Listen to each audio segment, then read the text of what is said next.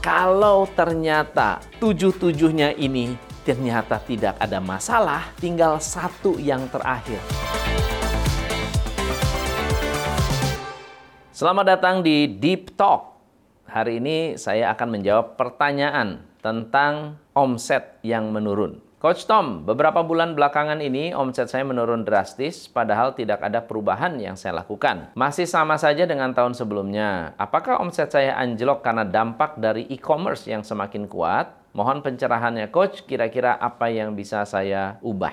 Pertanyaannya bagus. Artinya Anda sebetulnya punya strategi yang stabil, konsisten dilakukan, akan tetapi sekarang mengalami penurunan. Dalam bisnis ada tujuh faktor yang bisa mempengaruhi naik turunnya omset Anda. Faktor yang pertama adalah permintaan. Permintaan artinya jumlah orang yang membutuhkan produk Anda berubah. Misalnya, Anda jualan jamu, jamu itu dikonsumsi oleh orang-orang tua. Nah, sementara generasi orang-orang tua yang mengkonsumsi jamu dibilang sama dokter, kamu tidak boleh lagi minum jamu kalau enggak ginjal kamu rusak. Nah, by the way saya tidak bilang bahwa jamu menyebabkan ginjal rusak, tapi misalnya memang ada sebagian populasi, sekelompok orang langganan Anda kebetulan punya masalah yang sama. Yang terjadi adalah mereka akan berhenti mengkonsumsi, lalu Anda bingung.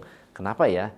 Kok omset saya turun padahal saya tidak melakukan perubahan apa pun. Padahal apa yang saya lakukan sama-sama aja. Itu karena permintaannya menurun atau berubah. Permintaan yang berubah juga bisa berbentuk pindah kepada produk substitusi. Orang yang dulunya minum soft drinks sekarang minumnya teh tawar panas atau teh dingin es teh.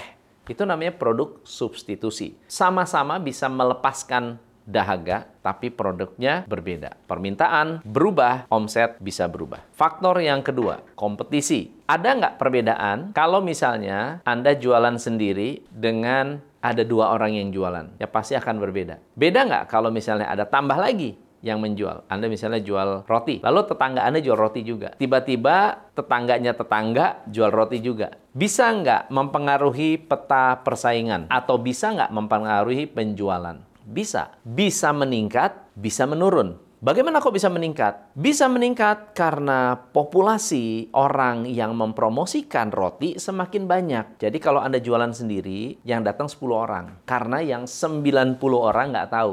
Giliran kompetitor buka, kompetitor punya tenaga untuk melakukan pemasaran dan mengatakan, "Ayo datang beli roti." Eh, ternyata pas orang-orang baru datang, melihat juga toko Anda. Ternyata ada sebagian orang yang awalnya tidak mengenal Anda, akhirnya membeli produk. Nambah lagi kompetitor, bikin promosi lagi. Sampai akhirnya katakan 100 populasi tadi, ya kita cerita 100 populasi, 100% sudah tahu tentang ada tiga kompetitor Nah, di sinilah persaingan akan menjadi menarik. Kalau awalnya sedikit, populasinya sama, penjualannya bisa meningkat. Tapi apa yang terjadi? Kalau populasinya tidak bertambah, kompetitornya tambah banyak. Nah, itulah yang namanya pembagian kuenya akan semakin kecil. Yang awalnya 100 dibagi 3, sekarang 100 dibagi 10. Berarti satu orang hanya bisa makan 10. Jadi teman-teman, persaingan bisnis bisa berdampak pada penjualan. Bisa naik, bisa turun. Yang ketiga adalah teknologi. Apa hubungan teknologi dengan penjualan. Saya nggak tahu apa yang Anda jual karena tidak ada keterangan atau informasi tentang produk yang Anda jual. Anda menjual online atau menjual offline. Anda ada di pinggir jalan atau ada di tengah-tengah gang atau masuk ke dalam gang. Tapi kalau Anda kata Anda menjual di dalam pasar atau Anda menjual makanan, minuman di mana orang ada lalu lalang, sementara orang yang misalnya dulunya pergi melewati jalan raya Anda, melewati toko Anda untuk pergi ke pasar. Sekarang orang-orang yang tadi belanja ke pasar itu tidak perlu ke pasar karena sudah ada teknologi order online. Yang terjadi adalah jumlah orang yang melewati akan berkurang, jumlah orang yang biasanya membeli produk Anda pasti akan terpengaruh karena munculnya sebuah teknologi yang tidak membutuhkan mereka pergi ke pasar. Ini pengaruh e-commerce. Atau sebaliknya, teknologi yang digunakan berhubungan dengan produk Anda langsung. Misalnya, zaman dulu kita beli es batu langsung ke pabrik untuk dikonsumsi di rumah. Saya mau minum es, saya punya termos. Betul ya, zaman dulu masih enggak? Ada termos, isinya es batu. Ditutup, jadi es batunya bisa disimpan dalam jangka waktu yang lama. Kenapa? Karena nggak ada teknologi. Eh ternyata sekarang sudah ada kulkas atau freezer. Sehingga ketika kita mau bikin es, kita tinggal masukin air, masuk ke dalam freezer, lalu kemudian menjadi es batu. Dengan teknologi ini mempengaruhi produk Anda langsung. Sehingga yang awalnya beli es batu di pabrik, sekarang es batunya bikin di rumah. Yang keempat adalah pelayanan. Pelayanan ini dampaknya langsung kepada bisnis Anda. Mungkin tidak ada pengaruh dengan yang lain, tidak ada pengaruh dengan kompetisi, tidak ada pengaruh dengan teknologi. Pengaruhnya adalah dengan bagaimana cara Anda membuat customer merasa nyaman. Ketika customer merasa tidak nyaman, ketika customer merasa pelayanan Anda tidak ramah, customer akan pindah ke kompetitor bukan karena mereka lebih baik, tapi bisa jadi karena mereka tidak merasa nyaman dengan Anda.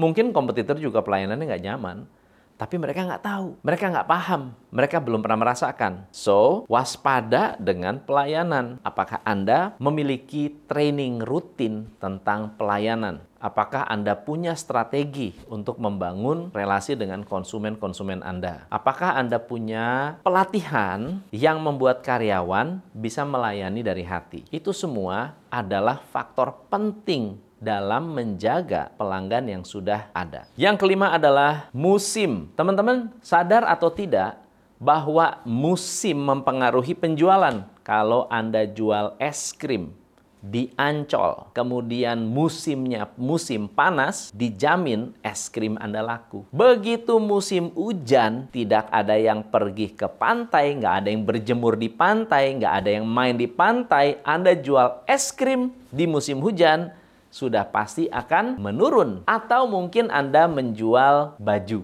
Jual baju sebelum lebaran lebih tinggi penjualannya dibandingkan kalau bukan masa-masa lebaran. Jual seragam sekolah di tahun ajaran baru lebih banyak omsetnya dibandingkan jualan seragam di tengah-tengah tahun ajaran. Jadi musim mempengaruhi penjualan dan kita perlu sensitif dengan musim-musim ini.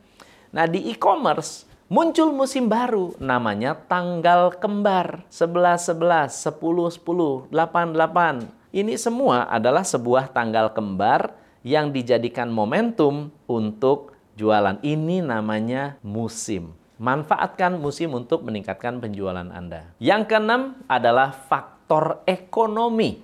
Ya memang daya beli masyarakat menjadi pengaruh tapi Anda lihat ya, dari 1 sampai 5 ini masih belum berhubungan dengan ekonomi. Yang keenam, baru berbicara soal ekonomi. Misalnya keadaan perang, jadi Anda nggak bisa belanja, atau nggak ada orang yang berani keluar rumah, COVID-19, ekonomi turun, kita tidak bisa mendapatkan penghasilan, ya pasti penjualan akan menurun. Yang ketujuh adalah manajemen. Manajemen ini mempengaruhi empat aspek. Pertama, marketing yang kedua operasional, yang ketiga rekrutmen karyawan, dan yang terakhir adalah manajemen keuangan. Jadi empat hal ini harus dikelola dengan baik karena mempengaruhi keseluruhan penjualan Anda. Contohnya, Anda mengelola keuangannya kurang bagus sehingga cash flow Anda tersendat. Karena cash flow tersendat, Anda nggak bisa beli stok barang, baik bahan baku maupun barang jadi. Sehingga ketika Anda mau produksi, barang-barang yang laris manis itu nggak bisa diproduksi. Efeknya, penjualan Anda akan menurun. Atau Anda terpaksa menjual barang-barang yang memang tidak laku. Jadi penting juga untuk memperhatikan faktor manajemen ini. Nah teman-teman, dari tujuh hal tadi, yang mana yang Anda alami? Atau yang mana yang bisa jadi mempengaruhi Anda? Kalau ternyata tujuh-tujuhnya ini ternyata tidak ada masalah, tinggal satu yang terakhir. Produk Anda sudah tidak lagi menyelesaikan masalah customer. Semoga bermanfaat. Saya Tom MC Ifle, salam pencerahan. Hanya di Top Coach Indonesia.